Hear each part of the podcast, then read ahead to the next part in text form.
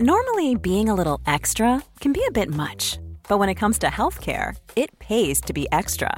And United Healthcare makes it easy with Health Protector Guard fixed indemnity insurance plans. Underwritten by Golden Rule Insurance Company, they supplement your primary plan, helping you manage out of pocket costs without the usual requirements and restrictions like deductibles and enrollment periods. So when it comes to covering your medical bills, you can feel good about being a little extra. Visit uh1.com to find the Health Protector Guard plan for you.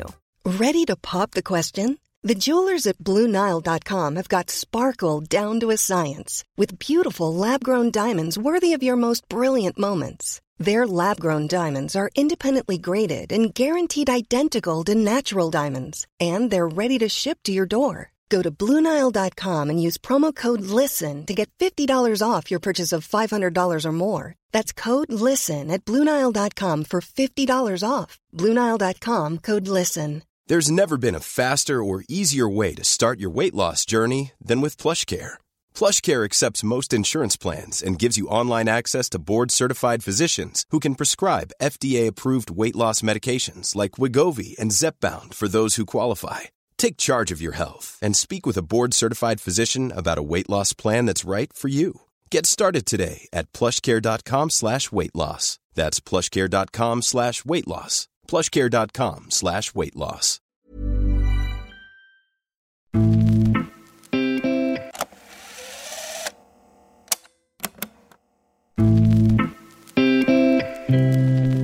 Sverige har inte haft ett lag i Champions League-finalen för damer sedan 2014. Då var det Tyresö FF som anfölls av den brasilianska världsstjärnan Marta. Tyresö förlorade och tätt därefter gick klubben i konkurs och Marta flyttade vidare till FC Rosengård som blev hennes tredje svenska klubb. Det var när hon spelade i Malmö 2016 som jag träffade henne för en poddintervju om resan från Brasilien till att bli en av damfotbollens giganter. Marta berättar om de svåra förutsättningarna för damfotboll i hemlandet, om besvikelsen över att varken härstjärnor eller förbund på nationell och internationell nivå stöttar dem och om suget att hålla sig kvar i världstoppen.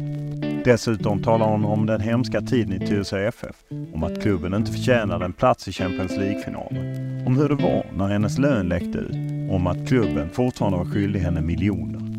Hon talar om sin syn på svensk fotboll och pekade på att unga spelare inte offrar tillräckligt för att bli bra.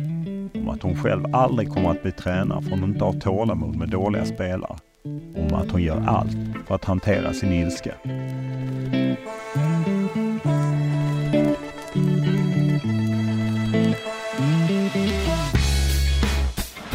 Brasil coloca na roda o time americano, 3 para o Brasil, 0 para os Estados Unidos. A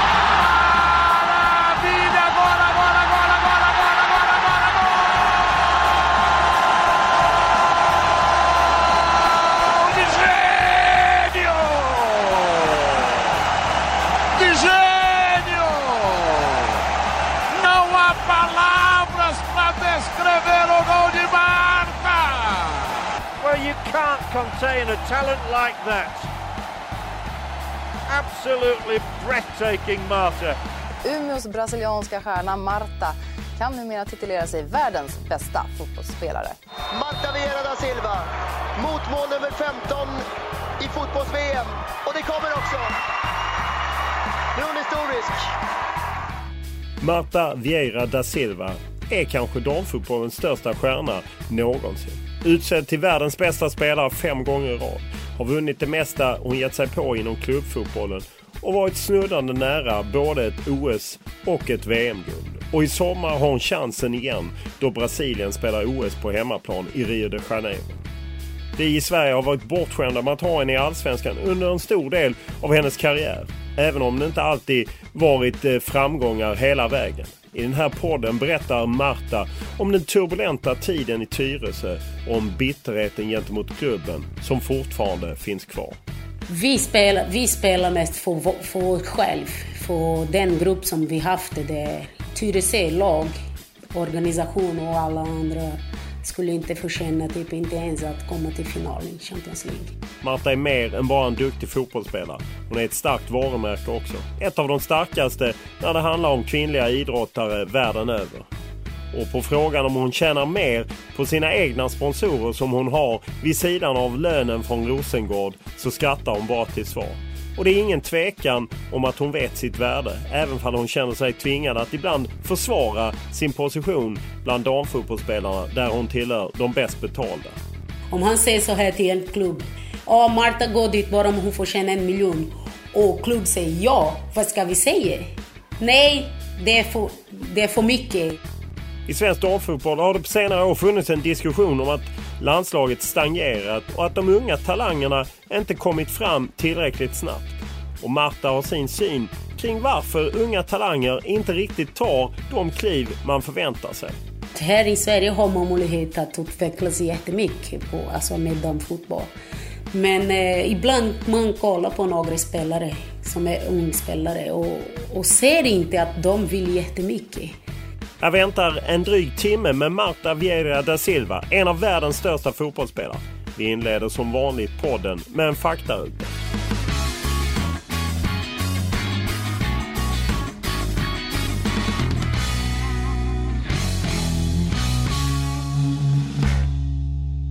Ålder? 30 år gammal. Har du familj? Jag har mamma, pappa och två bror och en syster. Var bor du? Just nu bor jag i Malmö. Mm? Vad har du för utbildning? Ja, min mamma faktiskt. Men om, har du gått i skolan? Ja, var har du gått? Ah, du menar det? Ja, Sorry. utbildning. Åh, nej alltså. Jag klarar inte... Eh, jag studerade typ bara fem år i skolan och eh, fick inte studera vidare för att eh, första vi haft inte så jättebra mm, alltså, ekonomi på den tiden och, och allt kostade ganska mycket. Och då fick jag starta med skolan när jag var nio år. Då studerade jag till när jag var 14. Sen flyttade jag till Rio de Janeiro. Och där får jag spela i Vasco da Gama och vidare. Så studerade jag lite där, men jag har inte gjort klart typ gymnasiet. Vad säger man? Gymnasiet? Japp, ja. Vad tjänar du? Du menar med, med pengar? Precis. Tjänar helt okej okay för att leva på ett bra sätt. Vad är den största upplevelse du varit med om på fotbollsplanen? Oj. Det är ganska svårt att bara prata om en situation. Jag har haft det i hela mitt liv, typ olika eh, specialmoment. Och, och när, vi fann, när vi vann första gången eh, en medalj i, i, i OS 2004, det var väldigt eh, speciellt. Och när vi spelade Pan Americas Game i Brasilien 2007, vi hade 70 000 personer på, på Maracanã och kollade på oss. Så det var väldigt speciellt också. Och några gånger när jag vann som bästa spelare i världen, fast man tänker, bara, man tänker mest på första gången. Det var också speciellt, så det är massa saker som är väldigt är viktigt och jag har upplevt. Vilken är den bästa spelare du spelat med? Oh. Ganska svårt. Alltså, jag har absolut några favoritspelare på olika position. Eh, men eh, för mig tycker jag att hon är en komplett spelare på alla sätt. Så tycker att hon var bäst spelare som jag spelade med. Vilken är den värsta motståndaren? Som är svårast för dig att möta? ja, kanske USA. USA och Tyskland. Finns det någon spelare i det laget som du verkligen inte gillar att möta? Nej. Jag faktiskt gillar att spela mot dem. Men eh, jag tycker, alltså jag säger så att det värsta för att alla gånger när vi till exempel var för nära för, för att vinna VM eller en guldmedalj i OS, då var mot dem. Så det är det värsta. Men jag älskar såna matcher. Vilken är den bästa publiken du spelat inför? Ja, det, det är svårt att man pekar typ man skulle säga att ja, det är brasiliansk publik, men eh, jag spelar inte så ofta i Brasilien. Men de... Eh, men jag tycker att det, det är kul när man går ut, går ut på planen och ser hur mycket folk är på läktare. Så det spelar ingen roll om det är här i Sverige, eller Brasilien, eller USA eller Tyskland. Det är bara roligt när man ser många folk på läktare.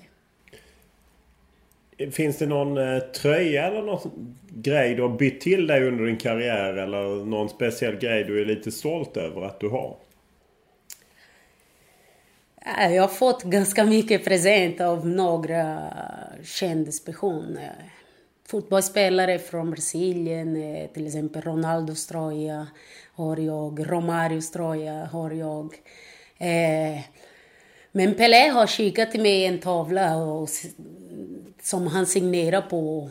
Och, och jag har fortfarande hemma såklart. Det är en av dem i special. Spelar du på matcher? Tippar alltså? Satsar pengar? Nej, jag gör det inte. Vi gör det ibland när jag är med landslaget och det är någon viktig match som vi kollar på, herrar eller tjejer. Så spelar vi med, mot varandra, men eh, inte så alltså, vanligt hela tiden. Har du något favoritlag som du håller på? I Brasilien håller jag på Corinthians och CSA från, eh, från min region. Men eh, jag brukar kolla ganska mycket på Real Madrid. Tar du fram Youtube och kollar på egna mål som du har gjort?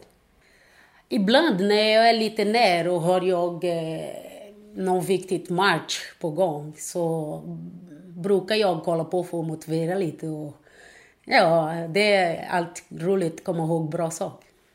Vad kör du för bil? Ja. Vad är det för märke? Det är just nu en Lexus. Har du något motto? Motto? Motto är typ eh, ta dagen som den kommer eller... Eh, ja. Jag själv har jag mottot att jag inte litar på någon men det är kanske inte ett så bra motto. Nej. ja, alltså jag, jag försöker att få eh, visa de andra en ödmjuk Marta för att jag gillar inte träffa någon människa och man ser att den här personen vill visa att hon är bättre än, än du på något sätt. Så jag tycker att alla får känna alla är viktiga i livet och man får eh, visa för varandra. När var senast du grät? Eh, ja, några dagar sen i min födelsedag. När var senast du var onykter? Onykter? Ja, full.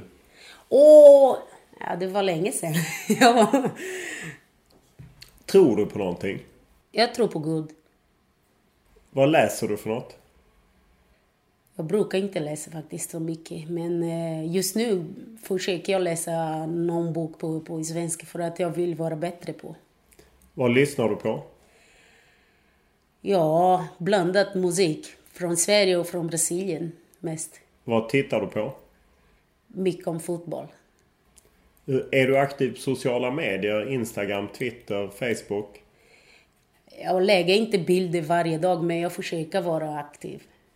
Varför gillar du det?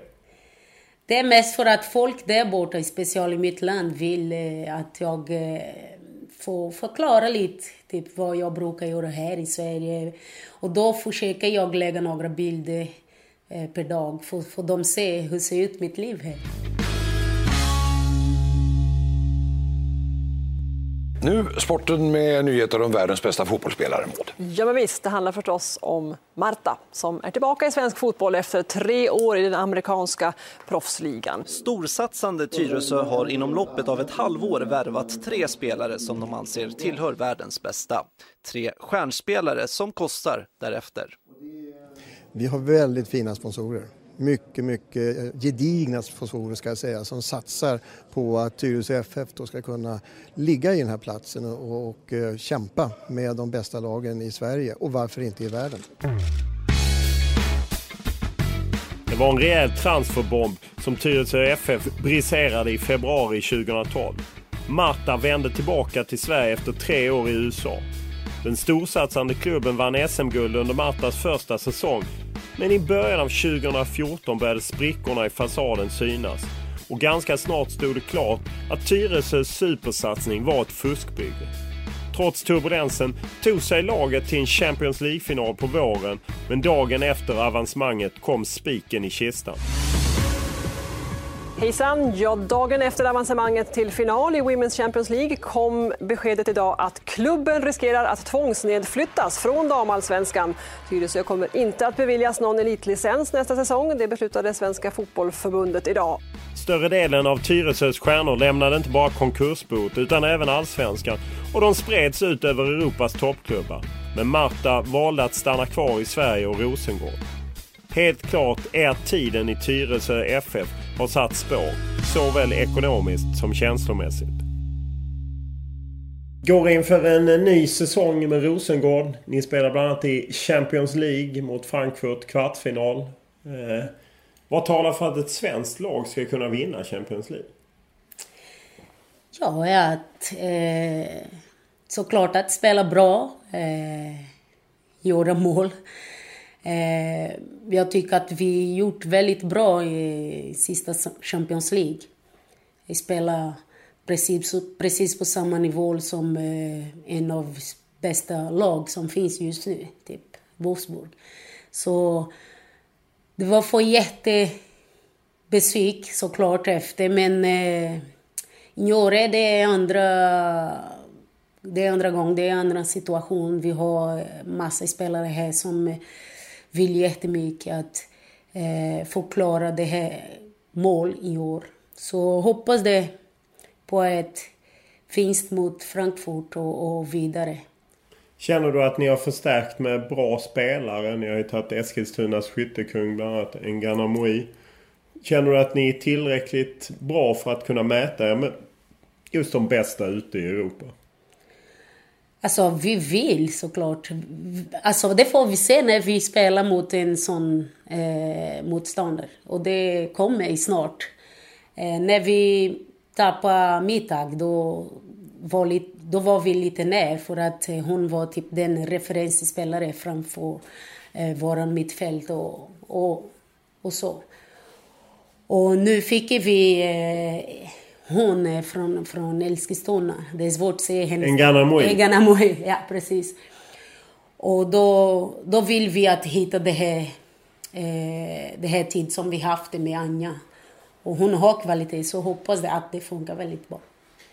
I, I Sverige tror jag ändå bilden är att svenska klubbar kanske tappat lite när man ser att det satsas i Frankrike, det satsas i Tyskland, det satsas i England. Känner du samma sak? Alltså, Ja, alltså kanske det är gjort för att om vi kollar nu, typ de bästa svenska spelare spelar inte längre i Sverige.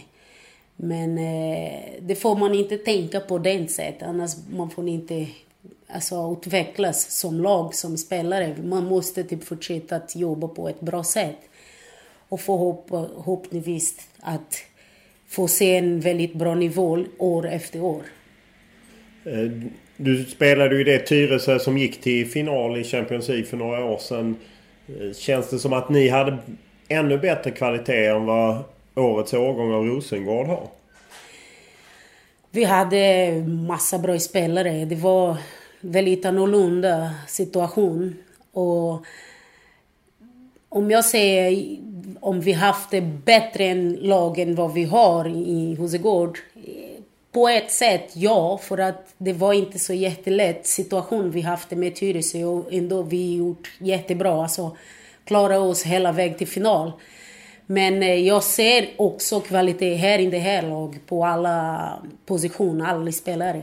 Och de vill eh, jättemycket att eh, skriva ett väldigt fint historia här med Hosegård. Vi har eh, vann några gånger i eh, allsvenskan men vi vill göra ännu, ännu bättre i Champions League. Så det är med den tanken som jag tänker på att ja, vi kan bättre än vad, vi, vad jag haft där i Tyresö. om man ser till att eh, ni bytte sportchef förra året när Therese Sjögran kom in och sen så blev det även ett lite ofrivilligt eh, tränarbyte. Hur mycket har det påverkat laget?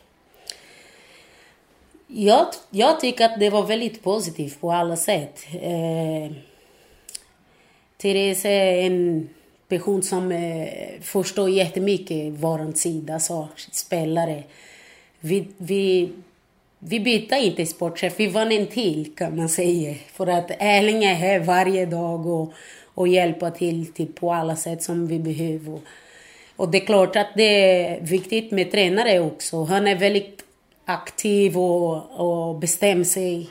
Eh, ganska hård tränare. Så jag tycker att det är bara positivt med alla dessa personer. Det är inte för mycket eh, defensiv. Jag läste en intervju med dig i Sydsvenskan där det på något sätt att du och Jack som är tränare hade lite olika bild. Han ville ha lite mer fokus på försvarsspelet. Du ville, som kanske många brasilianare ville gå framåt. Vad är, har ni löst det? Nej men vi, vi jobbar jättebra tillsammans. Det är klart att när man spelar eh, som en, som eh, en forward, man tänker bara på mest att göra mål, att eh, skapa det fram och, och så. Men, men eh, de fotboll har utvecklats jättemycket på alla sätt så det funkar inte bara att man får anfallare. Det måste man få försvara också. Och det har gjort jag hela mitt liv. Men eh, det är klart, när man eh, kom till en en punkt i livet. Typ, eh, jag nu är 30 år så det kanske inte funkar att försvara och anfalla hela tiden på samma sätt, alltså på samma nivå. När jag var typ 20 och spelade till exempel där i Umeå på den tiden så det var väldigt lätt att komma fram och komma tillbaka. Just nu måste man typ eh, läsa på ett bättre sätt i några situationer i, i, alltså på plan. Om man ser till att eh, Rosengård vann SM-guld i höst igen och vunnit fem av de sex senaste åren. Det, är det bra för Allsvenskan med ett så dominerande lag? Om det är bra, det vet jag inte. Men det skulle vara jättebra för oss. Det är vårt stora mål att eh, fortsätta vinna så många titlar som möjligt. Men eh, hoppas på en väldigt bra krig som det var förra året. För att det blir väldigt intressant för dem, fotboll. och såklart alla vill kanske följa lite mer om. Eh, vi är ju rätt många som var förvånade över att du valde att stanna i Sverige. Jag menar du kom tillbaka till Tyresö. Klubben gick i konkurs. Du gick hit och spelade ett halvår. Sen skrev du ett treårskontrakt. Och jag menar man ser ju hur de rustar ute i Europa. Och PS, Paris Saint-Germain sägs ju ha varit intresserad lite Anja Mittag. Hur kom det sig att du valde att stanna? Ja, det var för att jag kände att det, det är inte över. Det är inte slut min tid här i Sverige. Och även haft jag eh, eh några erbjudet som visar att jag kanske skulle hade tjänat lite mer pengar där bort eller hit och dit så kanske var inte värt för att byta det liv som jag har här i Sverige som jag gillar jättemycket. Vad är det du gillar med livet? Lugn och fint. ja men Eh, första absolut är att spela här och, och ha det här livet, lugnt liv här som jag inte har i Brasilien till exempel. Och då och samtidigt jag tänker på att ah, då måste jag starta allt igen om jag skulle åka till Frankrike. Då måste jag lära typ språk och då måste jag eh, få lära mig med allt. Inte fotboll, det vet jag spela. Det, men ja, allt runt omkring, då måste jag starta på noll igen. Då kanske jag... Eh, det var mest för att jag inte orkar byta till en annan plats just nu. Och som jag sagt, jag tycker om livet här. Jag gillar att bo i Sverige och ha alltså, den trygghet som jag känner här. Du har ju vunnit allt man kan vinna i Sverige många gånger om. Och jag menar när du spelade i Umeå så vann ju det som numera är i Women's Champions League. Är det svårt att tända till att inför en allsvensk säsong och spela om ett SM-guld som du har vunnit många? Från början när, när man har bara fysikträning och... Alltså ganska svårt för säsong. Man tänker på, ah, ska jag orka hela vägen? Men så fort startar man spela match och alltså, ha kontakt med publik och, och runt omkring så, så tända det igen och då vill man fortsätta och, och göra sitt bäst. Du kom ju till Umeå IK som 17-åring och eh, slog igenom där och så. Hur, hur har fotbollen utvecklats sen du kom då för eh, 13 år sedan till Sverige? Vad har hänt med fotbollen? Ja, det händer jättemycket. Alltså, det utvecklas på alla sätt. Vi, just nu känner jag att vi pratar jättemycket om fotboll. Eh, också för att vi har med möjlighet att med olika vad säger man, media appar och... Ja, några. Ja, så får man... Även man är till exempel i Sverige, då har man kontakt med folk där i Brasilien och runt omkring. Så alla. Det är många som kollar med på, på damfotboll till exempel. Och då, blir, då ser man att spelare vill prestera sig bättre och bättre och då man tar hand om sig på ett bättre sätt. Så ingen som vill gå ut på plan och, och man får höra ah, fan vad hon är tjock och sådana saker. Så jag, jag ser på den sättet att spelare är lite mer professionell just nu. Jämfört med hur det var när du kom i början, då var det inte riktigt... Nej, alltså Umeå är, om man säger, Umeå är en ganska special på den tiden var jättespecial. Om man kollar typ från eh, de som sitter på bänk och de som startar match. Alla var väldigt professionella och, och spelade på ett väldigt fint nivå. Vi har haft det bästa lag typ i, i Sverige och, och i Europa tycker jag eh, på några år. Och, men eh, jag, ser, jag säger så för att om man kollar på den tiden, de andra lag inte alla, men några. Då haft de inte samma situation. Eh, och, och spelare var inte så mycket bättre, alltså beredda för, för att spela en, en väldigt bra match och få visa sig på ett bra nivå. Det var för ojämnt helt enkelt? Ja, att precis. var för långt precis. över de andra? Precis, men eh, intresse blev typ mycket mer eh, stor eh, år efter år. Och då blev de spelare också intresserade på att bli bättre och bättre och utvecklas. Så. Var det aldrig aktuellt att gå tillbaka till Umeå när du skulle vända tillbaka till Sverige? Det var en tanke, men jag fick inte höra typ någonting konkret därifrån. Så, eh, så hände inte, men... Var inte det förvånande? Nej, men jag kan tänka på att de har väldigt annorlunda organisation där än de haft när jag var där. Och de kanske haft inte råd för, för, för att bjuda på. Eh, då förstår jag. Eh, men, eh, men jag har fortfarande massa kompisar som bor där och då ibland jag är där i Umeå och får hälsa på dem. Så det, hur kändes det att, eh, att när du ville komma till Sverige att de inte var intresserade eller att de inte hörde av sig? Nej men också, alltså jag tänker på men jag, det var inte typ min första option. Eh, som jag sagt, jag, det var en väldigt fin tid där i Umeå och special i mitt liv. Men eh, det känner jag inte som att det är samma sak just nu. När man kollar på Umeå, men jag ser inte typ eh, eh en Malin Monster på, plan, på plan, en Hanna Jomber, en Frida Asberg som... När man kollar på henne när hon tränar och spelar, det är en motivation extra för att hon vill alltid typ vinna sin duell och, och sådana grejer. Så man ser inte längre där borta. Så, så känner man att ah, men den tiden är över. Det, det är annan tid nu, så det kanske är inte dags för att spela där igen. Var det svårt som 17-årig talang att komma dit med... Du har ju nämnt några namn. Det var ju liksom de bästa i Sverige och som dominerade i landslaget och som ju hade haft framgångar i landslaget. Hur var, hur var de mot dig när du kom? Nej, men de var väldigt snäll kan man säga. Det, det var väldigt positivt alltså, första intryck där borta med allt.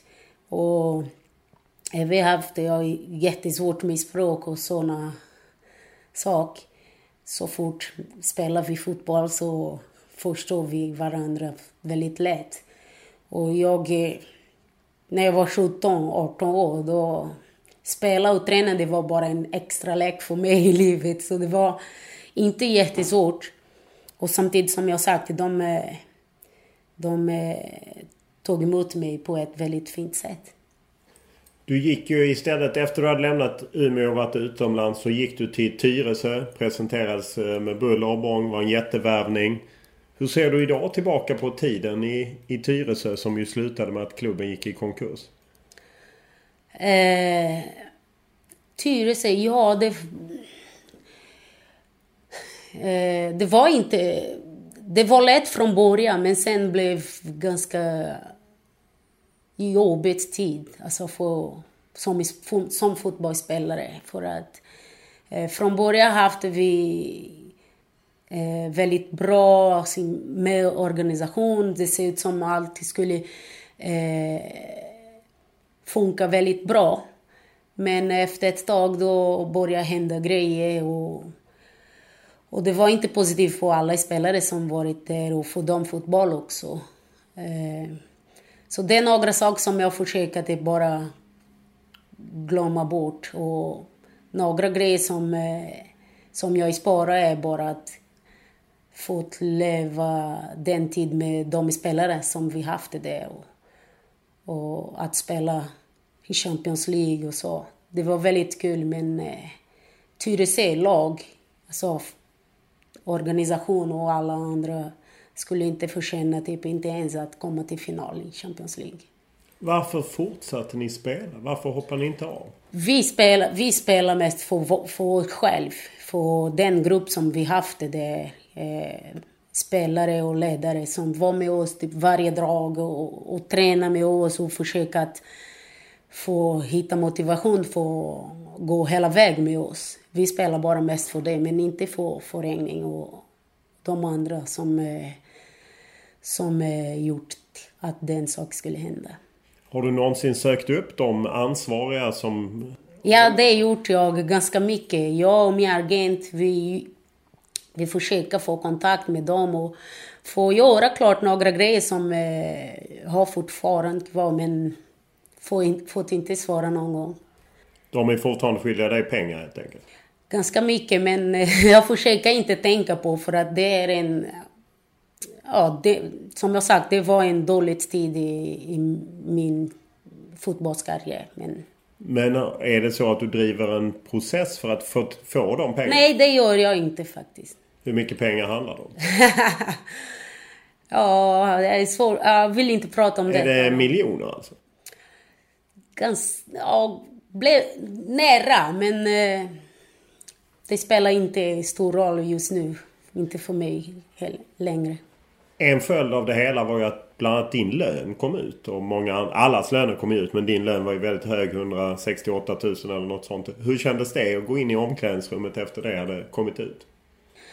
Nej men de andra alltså. Jag, jag menar. Det är klart att det är inte så roligt när några information går ut på den sätt som, som var. Eh, men eh, de gjort kontrakt med mig utan att jag sagt så här, ja, jag vill bara gå till er om ni ska betala det här summa till mig. Nej, vi har, jag har en agent bakåt mig som eh, har ansvar, alltså tar ansvar på det. Och då fick jag bara veta eh, hur mycket jag skulle få tjäna eh, när jag gjort kontrakt klart. Så jag eh, tror 100% på den person som jag har med mig och jobbar med mig ganska länge. Han gör den som är bäst till mig såklart. Om han säger så här till en klubb. Ja, Marta går dit bara om hon får tjäna en miljon. Och klubb säger ja, vad ska vi säga? Nej, det är för, det är för mycket. Jag får inte acceptera heller. Men eh, det blev för stor grej för att man pratar om damfotboll. Men om man jämför damfotboll med herrfotboll det kommer inte ens kanske, jag, får, jag kanske inte tjänar en procent vad bästa spelare i världen tjänar. Så, eh, så folk inte förstår exakt ja, men varför hon ska tjäna så mycket och, och, och de andra inte ska tjäna. Men man får tjäna för vad man presterar på. Och jag jobbar jättehårt hela mitt liv för att utvecklas på alla sätt. Både med, med, med finans och, och som spelare. Och jag gör bra på plan, det är klart att man får, får känna så. Kände du dig anklagad? Nej, alltså spelare har sagt bara nej men du får känna det. Kolla hur mycket, alltså, hur mycket du, du, du har gjort inom fotboll och hur mycket du utvecklas som spelare och hur, och hur mycket du betyder för dem fotboll. Så klart du ska, du ska förtjäna det. Sege var en som har sagt till mig så. Så jag, alltså, det, som jag sagt, det är, inte, det är inte roligt att få prata om hur mycket du tjänar och så till alltså, lagkamrat. För att man vill alla ska få tjäna så bra som möjligt. Men det, det funkar inte så. Målvakt till exempel känner inte som en bästa forward fast han är bra på sin position. Det blir lite skillnad mellan, mellan dem. Men som jag sagt, jag tycker att det, det var tråkigt. Men det är mest för att vi pratar om damfotboll.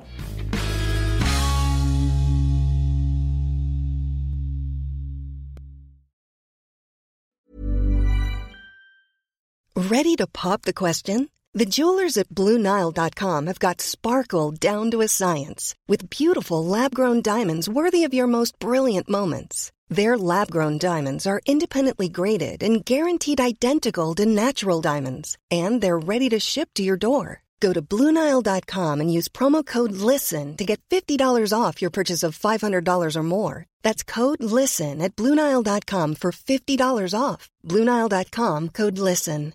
Mom deserves the best, and there's no better place to shop for Mother's Day than Whole Foods Market. They're your destination for unbeatable savings, from premium gifts to show-stopping flowers and irresistible desserts. Start by saving 33% with Prime on all body care and candles. Then get a 15-stem bunch of tulips for just $9.99 each with Prime. Round out Mom's menu with festive rosé, irresistible berry chantilly cake, and more special treats. Come celebrate Mother's Day at Whole Foods Market. Hiring for your small business? If you're not looking for professionals on LinkedIn, you're looking in the wrong place. That's like looking for your car keys in a fish tank. LinkedIn helps you hire professionals you can't find anywhere else, even those who aren't actively searching for a new job but might be open to the perfect role. In a given month, over 70% of LinkedIn users don't even visit other leading job sites. So start looking in the right place. With LinkedIn, you can hire professionals like a professional. Post your free job on linkedin.com slash people today.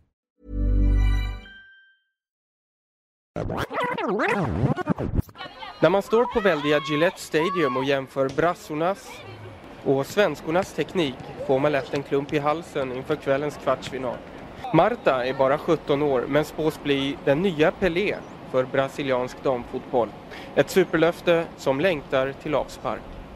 Difícil, né? A gente sabemos que, que é uma equipe forte, mas estamos determinados a entrar em campo e vencer, né? Porque se perder tá fora, então a gente vai fazer de tudo para sair com a vitória. En internationellt väldigt duktig spelare och det är ju bara att se det som en härlig utmaning, liksom att jag ska få möta henne och hon ska få känna på att Sverige är ett tufft lag att möta. TV-inslaget inför Sveriges kvartsfinal mot Brasilien i USA-VM 2003 var första gången svenskarna fick stifta bekantskap med Marta Vieira da Silva. Sverige besegrade visserligen Brasilien med 2-1, men Marta gjorde mål på straff och gjorde avtryck och på läktaren satt utsända från Umeå som på den tiden var en av Europas största klubbar. Det hela började när vi var till VM då. Eh, och om, om eh, vår lagläkare Jens Boman har rätt så skulle jag ha uttryckt saken som så när vi kom hem att eh, Marta ska vi ha. Och på den vägen är det. En och en halv månad efter VM var övergången ett faktum. Underbarnet som snart fyller 18 år och jämförs med Pelé landar i Sverige idag. Hon går från relativ anonymitet i Brasilien till stor uppståndelse i Sverige och kommer hit trots att hon i stort sett inte vet någonting om svensk fotboll. Med vägen till proffslivet var allt annat än rak. För även om fotbollen är religion i Brasilien var karriärmöjligheterna för kvinnliga fotbollsspelare nästintill obefintliga. Och det fick istället bli en tur till Västerbotten. Du har ju vunnit väldigt mycket medaljer. Du har dessutom blivit utsedd till världens bästa spelare fem gånger och Jag menar, det har bara varit en hel rad av framgångar. Kunde du drömma om den här utvecklingen när du som liten flicka slog dig in bland pojkarna och skulle spela? Alltså, nej faktiskt inte. På den tiden jag bara ville spela och ha roligt med fotboll. Men eh, när, jag började, när jag började typ förstå mer om fotboll och kolla på TV och, och såg några damfotbollmatch eh, så började jag tänka på ja, någon dag kommer jag klara att komma till eh, landslaget, att visa mitt värde och så.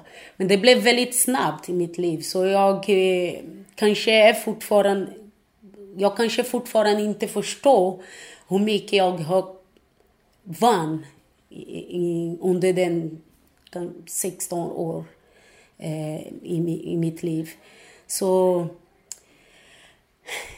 nej, då drömmer jag inte. Jag drömmer typ såklart att bli en kändisfotbollsspelare men inte att få vinna så många titlar och individuell... Ja. Vilka förebilder hade du? Vilka idoler hade du? Ja, när jag var liten jag kollade mycket på Rivaldo. Eh, trodde mest för att jag ville spela på samma position som han hade spelat i landslaget, i Barcelona, i de andra lag som han var.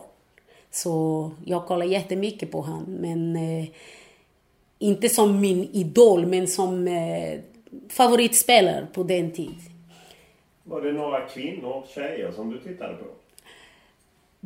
Det var jättesvårt eh, på den tiden att man eh, följer damfotboll. De visar inte så jättemycket på TV och då hade jag inte så jättemycket information. Man har, jag hör lite grann typ, oh, Prechinha till exempel. Sisi, de brasilianska spelare. Men inte ens lite om eh, till exempel Begni Prince på den tiden. Hon var jätteduktig. Eh, Mia Hen. Jag fick se mer dem och, och hur de spelade och så. Hur, hur stor var de på den tiden när jag fick spela mot dem. Med landslaget, med Brasilien och, och, och när Ja, och någonting så. Men före detta, nej. Hur reagerade din eh, familj på att du ville satsa på fotboll? Ja, de var inte så positiva för att eh, jag, är, jag, jag kom från en jätteliten stad i Brasilien. Eh, typ 12 000 personer bor där. Och på den tiden när jag var jätteintresserad på fotboll, när jag startade spela med mina kompisar på, på gatan. Det var bara jag. Det var bara jag som eh, vad heter, vågade spela det. Alla andra tjejer, nej, våga inte spela fotboll för att för dem, där borta var en sport eh, för man. För, för pojke, inte för, för tjejer. Så de kollade på mig på ett väldigt annorlunda sätt. Men eh, jag var så liten så jag tänkte inte på ah, det här är inte fel. Om jag vet spelare varför jag inte ska göra. Så min familj försöker försvara mig från dem. Och för att hela staden kommenterar. Och, ja, vadå, hennes familj inte stoppar hon för att, för att det ser inte så bra en tjej mellan typ 20 pojkar i gatan och spelar fotboll. Eh, så de var, de var försöka försvara men eh, det funkar inte så bra. Om, eh, fanns det någon tid där du kände att ah, men jag slutar spela? Nej, nej. Jag, eh, det var en, det var en, en tid som... Eh, när, jag, när jag redan var i, i Rio de Janeiro och spelade för Vasco da Gama. Efter ett år så de, så de är slut med, med damfotboll. Och då var den tid som jag var väldigt rädd för att inte klara mitt, mitt, mitt, ja, mitt mål. Eh, gå till landslaget och spela i ett stor klubb och gå ut i, i land för, för att spela. Så jag eh, var väldigt orolig för. Och då hade jag hjälp av några kompisar från Rio de Janeiro som, be, eh, som behöll mig där i Rio till jag ska klara typ hitta någon ny lag och, och ny plats för, för bord. För att de slutade med de fotboll där och då hade jag inte med plats för bord i, i, i, Rio. Så det var väldigt svårt tid och, och jag var väldigt osäker på.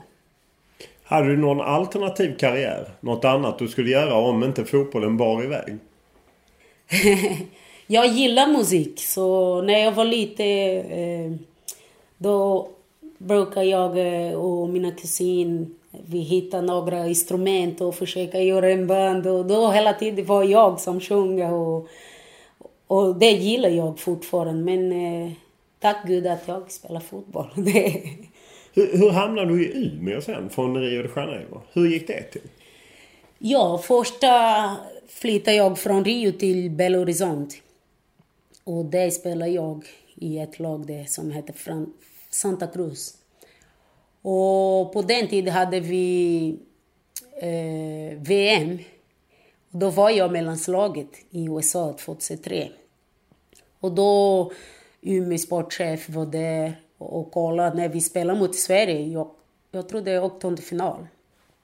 Vi förlorade med 2-1. Jag har gjort enda mål från Brasilien. Jag fick straff och gjort mål. Eh, och då efter dess eh, haft jag eh, intervju med någon svensk TV härifrån. Och ja, förklara om mitt liv där i Brasilien, hur mycket vi tränar och vad jag skulle vilja bli och så. Och då såg de några månader efter, då visade de här i Sverige. Och då, efter dess, då de ringde mig och försökte få kontakt med mig och kunde inte någon ord i svenska och kunde inte ens veta hur, var ligger land och så. ja, men efter några samtal, typ eh, efter en vecka, då bestämde jag att åka till Sverige och, spela för Umeå. Mm. Om man ser till eh, när du spelade fotboll i Brasilien och hur det är idag. Hur är statusen för fotbollen för damer idag jämfört med hur det var när du lämnade Rio?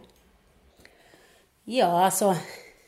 Där borta tränar, tränar jag typ förut tränar jag typ tre gånger i veckan. När jag kom till Sverige då började jag typ äh, att träna varje dag, att sova på rätt tid, att få, försöka ta hand om sig på ett bra sätt för att vara en eh, jobbinstrument var vår kropp. Så jag lärde mig jättemycket av eh, att, att, ta hand om mig och, och så. Så jag tror eh, att jag blev bättre på alla sätt som fotbollsspelare för att jag var snabb men inte tränade på, på rätt sätt. Så fick jag eh, den oh, extra träning när jag kom till Sverige. Och att ha fokus bara på fotboll och typ bara leva den, den, den liv som man behöver leva som en fotbollsspelare. Så den är stor skillnad. Om du ser på i Brasilien. Är det stor skillnad idag på hur man ser på fotboll för damer idag jämfört med tidigare? Idag är lite bättre.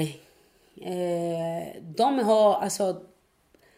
De har mer eh, lag de har lite mer eh, intresse för att försöka hjälpa. Eh, de, det är tredje år som de har en, en nationallig. Det är inte jättestarkt, men ändå det är någonting som, eh, som, som, upple alltså som lever fortfarande. De startar och, de, och det är inte gjort slut ett, ett år efter. Så det är ett bättre tid. Men jag tycker att det tog så lång tid för att de får vad heter, ta den initiativ. Eh, om man kollar på typ hur många bra spelare vi haft och det stannar på väg bara för att vi, vi haft inte en struktur och en eh, aktiv eh, aktivitet för hela år. Så de är bara lägga av. Så de bara stoppar spela fotboll och idag är typ, och har någon annan sak för att göra men var väldigt bra fotbollsspelare. Så jag tycker det är annorlunda men tog jättelång tid och är fortfarande inte på den nivå som det behöver vara. Finns det i din värld att du ska gå tillbaka och spela i Brasilien innan du slutar spela? det får vi se hur lång, hur lång tid ska kropp få, eh, få svara på ett bra sätt. Eh, det är en tanke faktiskt, men eh, vet inte om det ska hända. För att eh, som, som, jag, som jag ser just nu, ja, vi har en liga, vi har bättre, men vi vet aldrig om det ska hålla på typ jättelänge. Om man ser, du berättade själv i, i samband med faktarutan att du har fått tröja av Romario, Ronaldo, Pelé och skickat en tavla. Och man kan ofta se bilder på dig både från Fifa-gala men även från Brasilien i samband med VM. Att du rör dig med många av de stora härstjärnorna. Är de, stöttar de er så att säga? Alltså, in, inte direkt.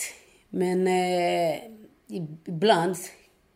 Ibland de pratar om dem, fotboll. Ibland de eh, eh försöka att hjälpa på något sätt.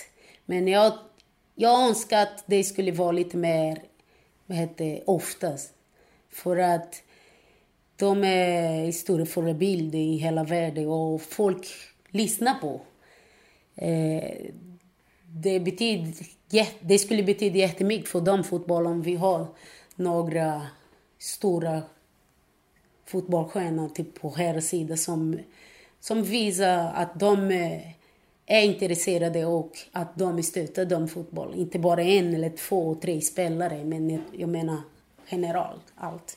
I Sverige har det varit en väldigt omskriven eh, situation kring den största stjärnan Zlatan Ibrahimovic och Therese Sjögran. Du känner säkert till historien om cykeln och autografen och så. Varför tror du att här spelarna inte vill gå ut och stötta damspelare? Om det då är samma i Brasilien och även i andra länder. Ja, men det, det vet jag inte. Det är inte lätt eh, att svara på, men... Ja, men det... Damfotboll har inte en lätt situation. Man måste kämpa jättemycket för, för att få sina mål typ, på alla sätt. Alltså för att få uppmärksamhet, och få publik eh, på match, eh, få bättre eh, med pengar. Typ. Så jag tycker att det måste komma kanske från organisation. Stora organisation och de andra som är involverade. För, att få uppmärksamhet för, för, för alla som är, är, är på den fotbollsvärlden. Men, eh, men det vet jag inte. Alla är olika och, och då tänker man inte på samma sätt. Om man ser på Brasiliens landslag. Ni spelar OS i sommar. Hur stort är det för dig?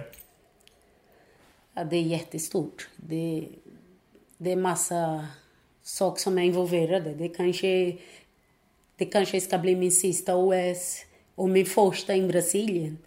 Så det kommer bli jättespeciellt. Men eh, men jag försöker att få fokus här i, i Hosegård för att jag tycker om jag gör det bra här, om jag mår bra här, om jag spelar bra och vi klarar väldigt bra alla våra match före OS så kommer jag vara beredd för att spela bra i landslaget också. Du har ju sagt att eh, det du saknar i din karriär är antingen ett VM-guld eller ett OS-guld. VM-guld blev det ju inte i Kanada och det dröjer ju ytterligare tre och ett halvt år innan du får chansen om du spelar fortfarande. Är det inte en risk att det blir... Eller att man ska hantera för mycket press, för mycket tryck? Om vi kan ju gå till herrlandslaget i Brasilien under VM 2014. Tårarna, Tyskland. Yeah. Hur ska ni göra för att inte råka ut för något liknande? Ja, att försöka typ eh, hålla i vår, våran fokus på våra, våra jobb. Eh, det kommer bli inte lätt för att det det är inte så jättevanlig situation att spela OS i sitt hemland och, och så. Men eh, vi, vi redan börjar typ, att jobba med typ, massa uppmärksamhet och press och, och att försöka dela ansvar för alla spelare. För att många tycker att det är Mart eller Formig eller Christian ska fixa OS-medalj. Och det handlar inte bara om vi, det är hela lag som måste vara beredda för, för att klara det här i stora mål. Om man tittar på era resultat med landslaget så känns det ju som att... Eh, jag menar ni var med då 2003 och så åkte ni ut. Men ni blev bättre och bättre. Tog några silver. Men sen har det gått ut för Och det känns inte som att det har fyllts på med några spelare. Har liksom den brasilianska revolutionen stannat av? Men det är precis vad jag sagt typ, eh, om damfotbollen i Brasilien.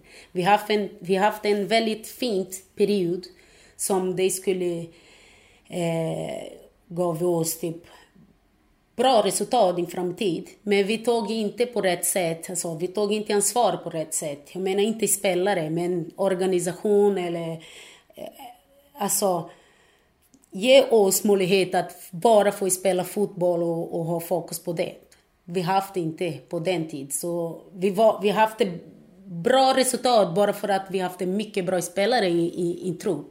Men de spelarna i, idag spelar inte längre. Och efter det, vara new generation. Det är, det är en bra generation, men det är inte lika bra som vi haft det förut. Så har man inte en struktur typ för, för, för möjlighet att få framtid ha en bra eh, resultat, då funkar det inte. Tycker jag. Om man ser på dig. Fem år eh, i rad från 2006 till 2010. Bästa spelare i världen. Sen har du varit tvåa och trea. Fram till nu senast. Nu var du inte ens med i topp 10. Jättetråkigt. Vad är det som har hänt? Nej men... Eh, jag tycker att eh, eh, även jag inte har gjort jätte, jättebra eh, i VM till exempel förra året. Eh, jag skulle... Jag, jag får känna typ kanske en plats i de bästa tio spelare. För att eh, de hade jättemycket fokus på VM, men jag tycker att vi gjort ändå, ändå okej okay i, i Champions League. Och, och jag tycker att jag var helt okej okay i Champions League också, även om vi inte gått vidare. Och ja, och VM, ja, vi är inte klara typ efter åttonde final, tycker jag. Ja, trodde jag. Eh, men jag spelar bara tre matcher. Och när man spelar tre matcher, det är ganska svårt att man får så mycket tid för att visa sig. Men det är som jag sagt, alla tänker på, på sitt sätt. Och de som jag röstar på tycker inte att jag skulle vara... Det går bra, det får jag acceptera och fortsätta att jobba på. Hur är det att ha varit liksom världens bästa under en mängd år bland de bästa och plötsligt inte vara med alls? Alltså, Ja, alltså det är klart det är inte så roligt men eh, jag, jag väntar på för att när jag såg eh, de sista match typ in, i, i VM och, och att de har, eh, vad heter de röstar på de eh, start 11 i VM och var jag inte med. Så känner jag, ja men då, då är jag inte ens på de tio bästa spelare. Men, eh, men det är som jag sagt, jag får inte tänka på att jag ska vara där varje år för att få motivation och, och, fortsätta, och fortsätta att få visa mitt bästa hela tiden. Jag måste tänka på eh, mig själv och på familj och på, på alla andra som gillar vad jag brukar göra på plan och, och utanför. Så det är det som jag tänker. Efter. Hur hanterar man det? Blir du revanschsugen eller blir du mer ah, jag, nu varvar jag ner? Nej, jag, jag, blir typ, jag blir faktiskt motiverad för att visa. Ja, men jag fortfarande kan, kan vara på, på en plats av de bästa spelare. Och det är vad jag tänker just nu. Och det ska du visa i Brasilien i sommar? Jag ska visa från första match med, med Rosengård såklart. Dag efter dag, träning efter träning och match efter match. Umeås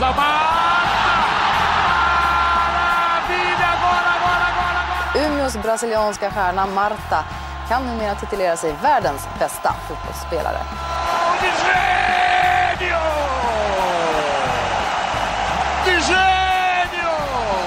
winner of the FIFA Women's World Player 2007 is Marta. Não há palavras para escrever o gol de Marta! Marta! For fourth year in a row, Marta. Pelo quarto ano seguido, Marta. Please a round of applause for Marta. Marta! Um fenômeno mundial! Um fenômeno mundial! Sabe tudo! Och Marta är en världsstjärna. Skojar ni? Fem år i rad utsedd till världens bästa. Och ett ständigt inslag på Fifa-galan där man årligen prisar de bästa på herr och damsidan. Ja, det är ingen tvekan om att hennes status är cementerad som en av tidernas bästa spelare på damsidan. Och hon vet sitt värde. Hon har sett till att i Rosengård så kan hon ha egna sponsorer vid sidan av för att verkligen maximera intäkterna under den relativt korta karriären. Och det är ingen tvekan om att hon inte skäms för att ta betalt. Och det är ju naturligtvis rätt. Du är ju i Rosengård. Hur många bud har du haft att lämna Rosengård? Jag menar vi ser ju hur det satsas runt om i Europa. Chelsea, Manchester City, Paris Saint-Germain, Liverpool, allt vad det är. Hur många bud har du haft? Nej, inte någon konkret. Det är bara kommentar. Inga alls alltså? Det, det, det finns, men eh, jag tänker inte exakt just nu för att det är inte min... Det, är inte min, det står inte på mina planer att jag ska lämna Rosengård. Inte ens... Inte, inte, inte, inte det här år.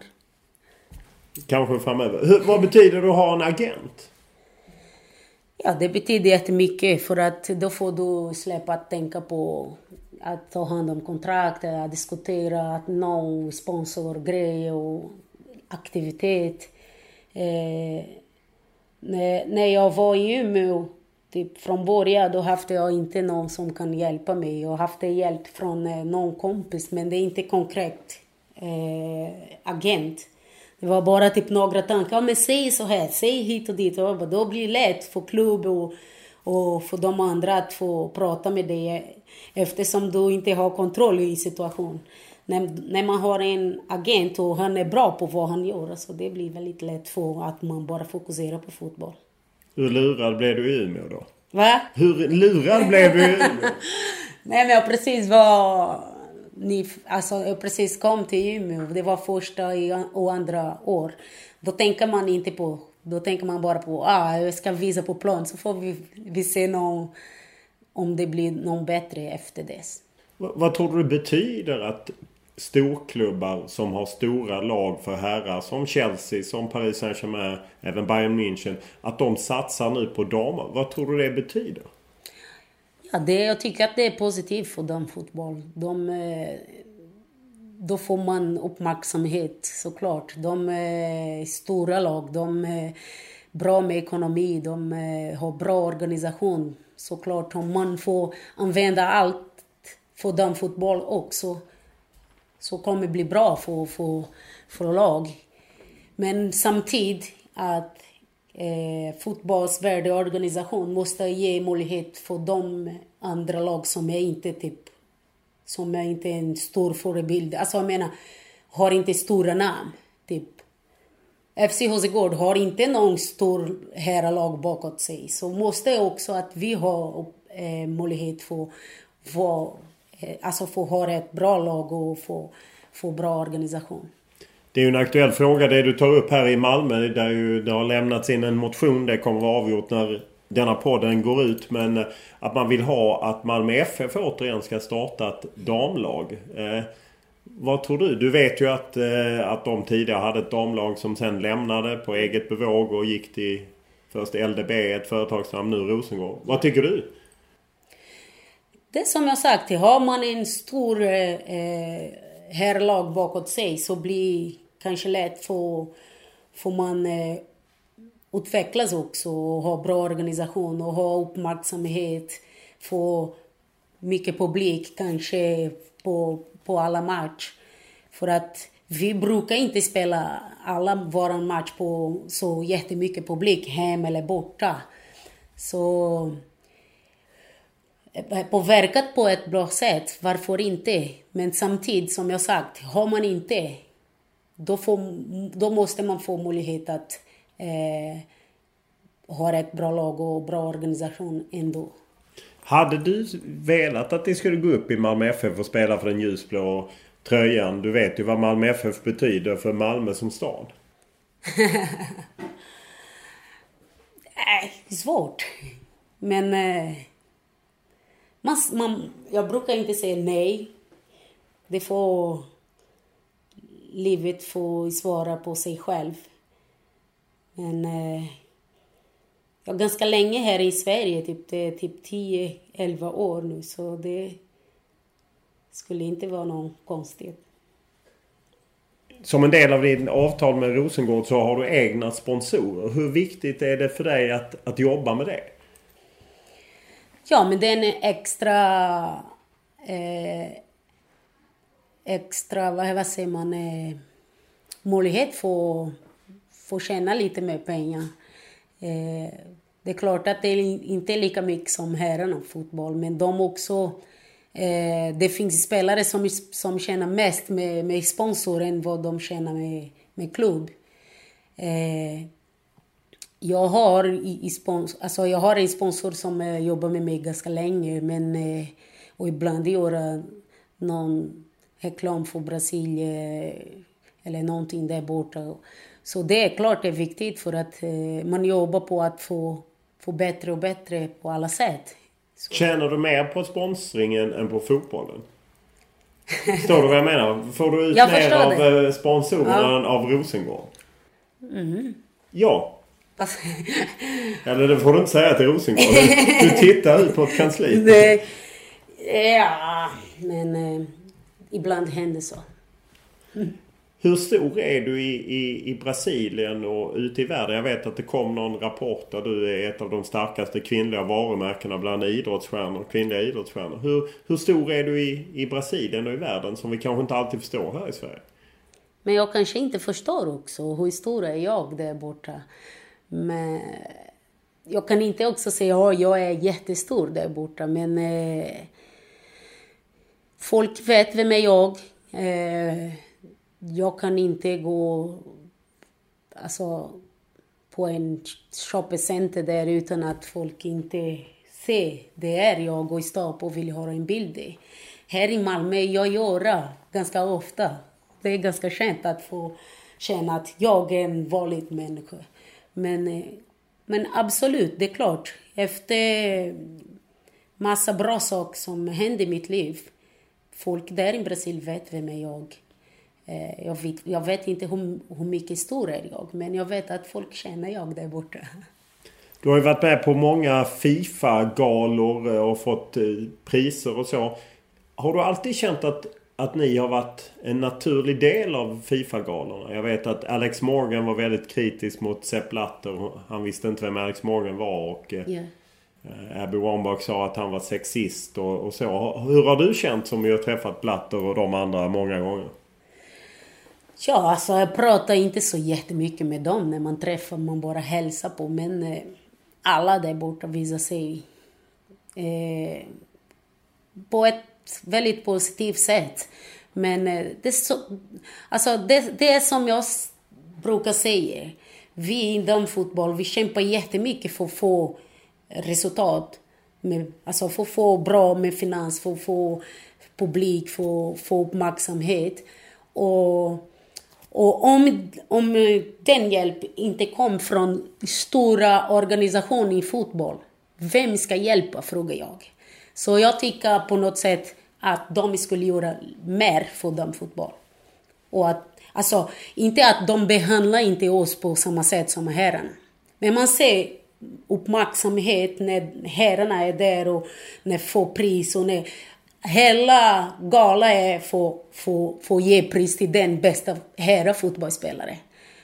Och, och då ser man och då blir lite, man blir lite ledsen. Men eh, ja, det som jag sagt, vi jobbar på och vi inte ska stoppa jobba på för att få bättre och bättre. Vad betyder det att man äntligen gjorde ett Fifa-spel även med er? Ja, alltså det är en Alltså det är en positiv sak. Det är en bra... Eh, upp, alltså det är, det är en bra uppmärksamhet för oss det tog väldigt lång tid och hade så mycket diskussion om, vi, om det ska göra eller inte. Men det är gjort dem. Jag själv inte spelat någon gång men det är många av mina kompisar som spelar och skickar bilder och skickar videor när de spelar med mig på Playstation. Så det, det är jätteroligt att se eh, att vi fick någonting positivt, fick någon bra uppmärksamhet på, på, på damfotboll. När jag talade med Sveriges målvakt Hedvig Lindahl så sa hon att, eller Hedvig Lindahl, så sa hon att hon vågade inte skriva på den här protesten mot eh, konstgräs i VM för hon var rädd att Fifa och så skulle göra någonting. Hur ser du på att öppet protestera mot det du inte tycker är bra? Nej, men jag, jag, jag, har, jag har gjort, jag är med dem. Jag är en fotbollsspelare och det måste jag stötta dem eh, som mina lagkamrater, alltså som kompanjör. Så jag inte tyckt att det är någon fel. Det var någonting fel för, från oss att protestera för att eh, det skulle aldrig hända med herrarfotboll. Jag ser inte någon möjlighet eh, i framtid för att få se herrfotboll, alltså eh, spela en VM eller någonting så i en konstgräs. Du har ju berättat att du hjälper till att försörja en del av din släkt. Hur, hur är det? Är det en press att försörja någon i Brasilien när man ska spela fotboll? Ja, men det, ja, det, det är klart det är. Det är inte lätt, men jag försöker inte få eh, fixa min fokus på, på sådana saker. För att annars klarar jag inte att spela på ett bra sätt och att träna bra och alltså, göra på ett bra sätt mitt jobb. Så jag försöker inte få tänka så mycket på men det är inte lätt. Om du ser till hur länge håller du på att spela? Du har ju, även om du är bara i 30 år så har du ändå hållit på väldigt, väldigt länge. Ja, alltså några år sedan sagt jag att ah, jag ska spela till 30 eller 31, 32, jag vet inte. Men eh, nu, nu är jag 30 år och då känner jag att jag, får, jag känner att jag kan spela några år till. Så jag vill inte bestämma någon, någon år, någon tid för att sluta spela fotboll. Så länge jag känner mig eh, glad och, och att fotboll är fortfarande bästa sak som eh, kan göra mitt liv bättre och bättre, då fortsätter jag spela. Det är klart att kropp måste ju vara bra också. Den dagen du slutar, vad vill du göra då? Ja, jag vill eh, få lite mer tid med, alltså, med social eh, projekt och att få någon, någon projekt i min hemstad. Det är en, en, en dröm som jag vill eh, när, jag spe, när jag slutar spela. Eh, få också tid med, som, som ambassadör för United Nations, få åka lite runt om världen och, och göra mitt jobb som ambassadör. Det är några saker som jag vill göra. Det är mina prioriteter efter. Du vill inte gå in och jobba inom fotbollen? Jag kan inte säga att jag kanske inte ska göra men eh, om, om det... Jag, jag vet inte om som tränare för att jag, jag har inte så mycket tålamod. Jag är väldigt aggressiv så jag skulle tänka på om någon spelare inte gör vad jag sagt så nej. Men eh, var involverad på något sätt och få hjälp. Jag är öppen för hjälp för damfotboll så någonting vill jag göra såklart. Du säger att du är väldigt aggressiv. Hur är det att vara lagkamrat till dig? Nej, men eh, jag, blev, jag, jag blev bättre på, på den sätt. Jag var värre när jag var lite yngre. Yngre, är yngre, alldeles rätt. Eh, då accepterar jag inte så lätt så, eh, några situationer i, i match. Men eh, nu är jag lite bättre. Eh, nu när någon eh, sparkar på mig så blir jag bara arg men istället för att försvara på samma sätt jag vill visa med boll, jag vill visa på, med fotboll och, och försöka att ja, göra bättre. Så, så jag är lite bättre nu, men jag menar som tränare, man, är, man står där på bänk och kan inte göra så mycket. Man bara pratar och gestikulerar och, och eftersom jag är en fotbollsspelare och, och om jag ska bli en tränare så vi, några situationer, kanske en lätt situation och så sen eh, min spelare klarar inte göra det så kommer jag inte klara det med ett bra humör menar jag. Om man ser till det svenska landslaget, du har ju spelat med många av de svenska spelarna. Finns det någon du verkligen uppskattar? Det finns många. Det finns många. Det finns Malin Monstro till exempel, Hanna Ljungberg, Frida Östberg, eh, Anna Sjöström, Caroline Seger, Therese och Lisa Dahlqvist. Jag har många som eh, jag är väldigt tacksam att fått eh, möjlighet att spela med dem. Även svensk damfotboll har ju lite som Brasilien stannat av. Vad, vad tror du det beror på? Ja... Eh, det får man försöka att få hitta alltid på något nytt. Om det blir på samma nivå och, och samma sak hela tiden så kanske har de inte samma motivation än när man har alltid något nytt och har och då måste också man tänka på att man har alltid något att lära, någonting för att lära sig. Det får man inte stoppa eh, på, på, det, på en nivå och tycka att det är väldigt bra. Det måste komma från spelare också. För att här i Sverige har man möjlighet att utvecklas jättemycket på, alltså med damfotboll. Man har en eh, stabil lig, man har lag och ja, möjlighet att göra vad, vad du vill göra. Så... Men det känns som att eh, man precis som på, i Brasiliens fall att man inte får fram eller har haft svårt att få fram talanger. Nu är det en del unga spelare på väg in. Men att man har levt väldigt mycket på Lotta Schelin och Caroline Seger och Nilla Fischer. Att spelare som varit med väldigt, väldigt länge. Känner du som ändå spelar Allsvenskan att, att det finns talanger för att ta tillbaka Sverige till världstoppen? Ja, det finns. Det är klart finns. Men det kanske, det är som jag sagt, de måste ha och vill också. Det... Alltså, till exempel. Eh, jag, är, jag är 30 år nu. Den, den tjejen som är 19 eller 20, hon måste vilja vill träna mer än jag. Hon måste vilja visa mer än vad jag vill göra. För att jag har spelat typ ganska länge. Men eh, ibland man kollar på några spelare som är ungspelare och, och ser inte att de vill jättemycket. När jag hade, när jag var, när jag var ung, då ville jag typ spela typ hela tiden på gatan eller på, eh, har vi träning? Ja, har vi inte träning idag? Då hade jag alltid någonting att göra. Men det, det ser inte jag så ofta, de nyspelare vill ha samma sak. Alltså dagens unga talanger vill inte tillräckligt mycket helt enkelt?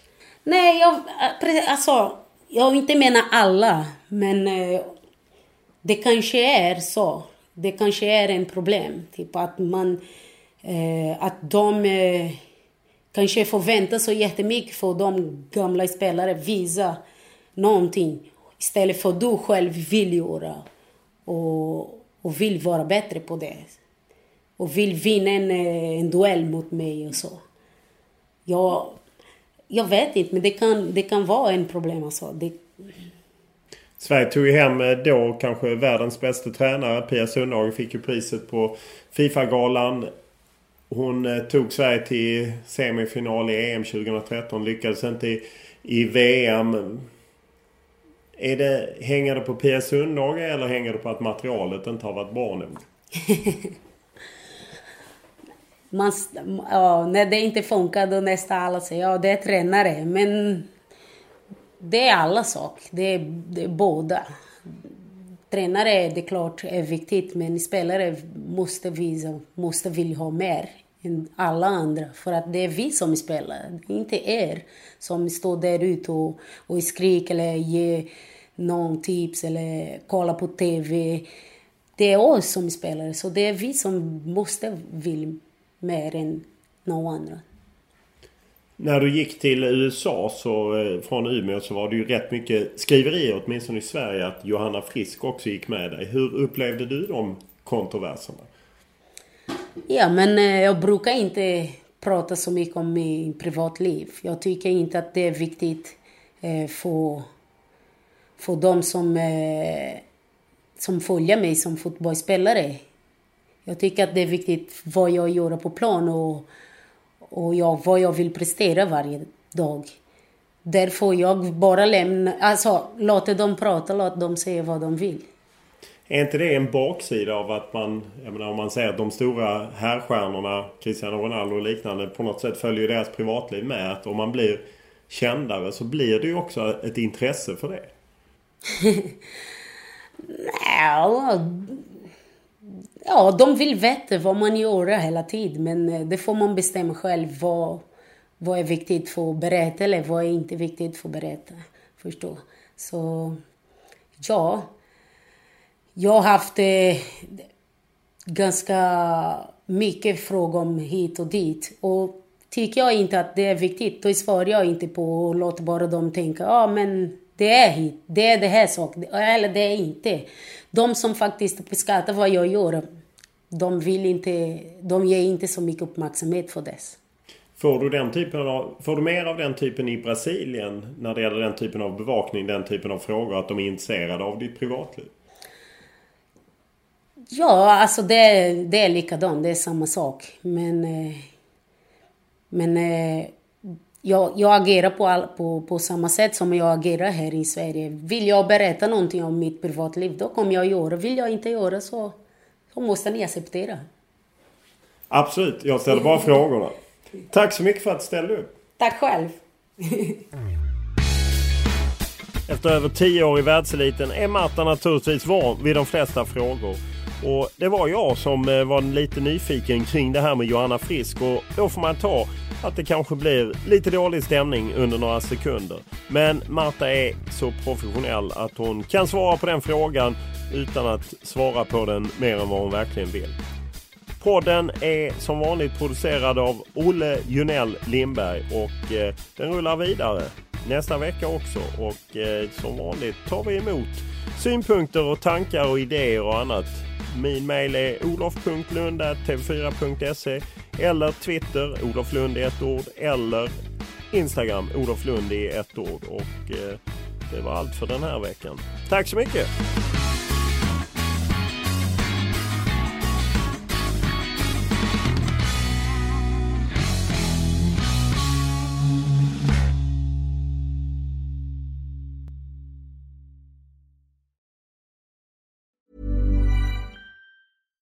Mom deserves the best, and there's no better place to shop for Mother's Day than Whole Foods Market. They're your destination for unbeatable savings, from premium gifts to show-stopping flowers and irresistible desserts. Start by saving 33% with Prime on all body care and candles. Then get a 15-stem bunch of tulips for just $9.99 each with Prime. Round out Mom's menu with festive rosé, irresistible berry chantilly cake, and more special treats. Come celebrate Mother's Day at Whole Foods Market. Hey, it's Paige DeSorbo from Giggly Squad. High quality fashion without the price tag. Say hello to Quince.